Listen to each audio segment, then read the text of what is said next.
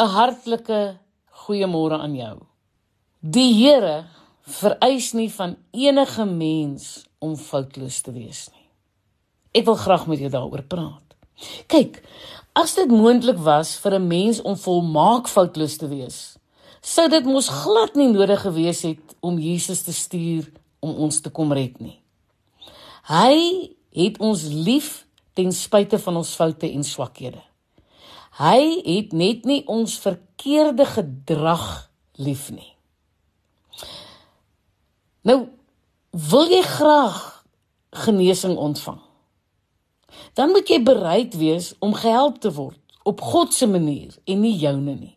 Harvard sielkundige Jeremy Bruner het gesê dit is meer waarskynlik dat aksie jou 'n gevoel sal gee as dat 'n gevoel jou in aksie sal kry. Tree op. Doen die dinge wat jy weet wat jy moet doen. Kyk in Johannes 14 vers 6 sê Jesus, ek is die weg en die waarheid en die lewe.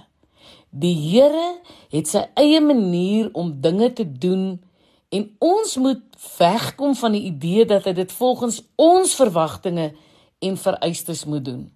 Kyk, soms vroeg en worstel ons met die Here. Maar jy moet as ek die Engels kan gebruik, let go and let God.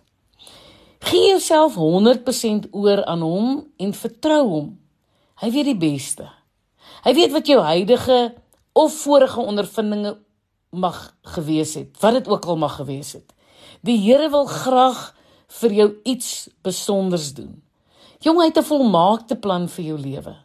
En as jy op die regte pad sal bly en jou oortollige bagasie sal agterlaat, sal jy spoedig daardie vrede, blydskap en vervulling vind wat jy so lank al begeer.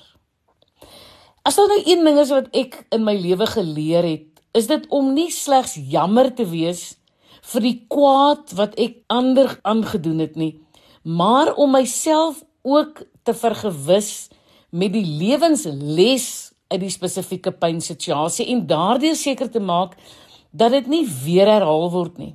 Ek het verder geleer om met 'n hart vol berou vergifnis te vra en die pyngedagtes uit my gedagtes te verban.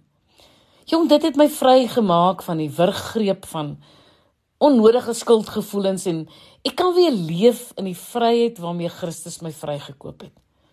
Om nie gedagtes van wraak te koester nie en om my om my vertroue geheel en al in God te stel, het die tronk deure vir my oopgemaak. Man, ek is vry. Ek is vry van pyn, van woede, van bitterheid en wrokkigheid. En nou Nou weier ek om my gedagtes met negatiewe emosies te okkupeer. Ek weier om bitter te word en ek bid soos die Bybel my leer. Ek bid vir almal wat my leed aangedoen het. En in die begin toe ek so begin bid het, het dit het dit vir my half gevoel asof ek skyn heilig en onnatuurlik is. Maar in die proses het my gesindheid begin verander en ek kan steeds daardie mense lief hê omdat ek weet dat hulle vir die Vader kosbaar is en dat hy hulle liefhet ten spyte van wat hulle my aangedoen het. Omdat ek die Here liefhet en so dankbaar is vir sy genade teenoor my, kan ek nou sy onvoorwaardelike liefde ontvang. Ai en dan kan ek dit so aan ander gee vir al hulle wat my te nagekom het. Nou Galasiërs 6 vers 9 sê en laat ons nie moeg word om goed te doen nie, want op die regte tyd sal ons maai as ons nie verslap nie. Hoe mooi is dit nie? Net soos wat jy nie vandag saad saai en môre armsvol blomme kan pluk nie, net so het ons saadjies tyd nodig om te ontwikkel en groot te word met baie liefdevolle sorg van ons kant.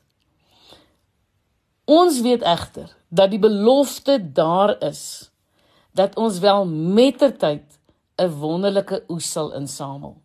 Ons moet aanhou om aan te hou. Hoekom? Want God is getrou en regverdig. Ek sal die soek wat weggeraak het. Ek sal die terugbring wat weggedwaal het. Die wonde versorg van die wat seer gekry het en die swakkes help. Esegiel 34 vers 16. Nou ja. Weet dat God nie foutlose mense soek nie. Ek is Lenet Beer vir Radio Kansel.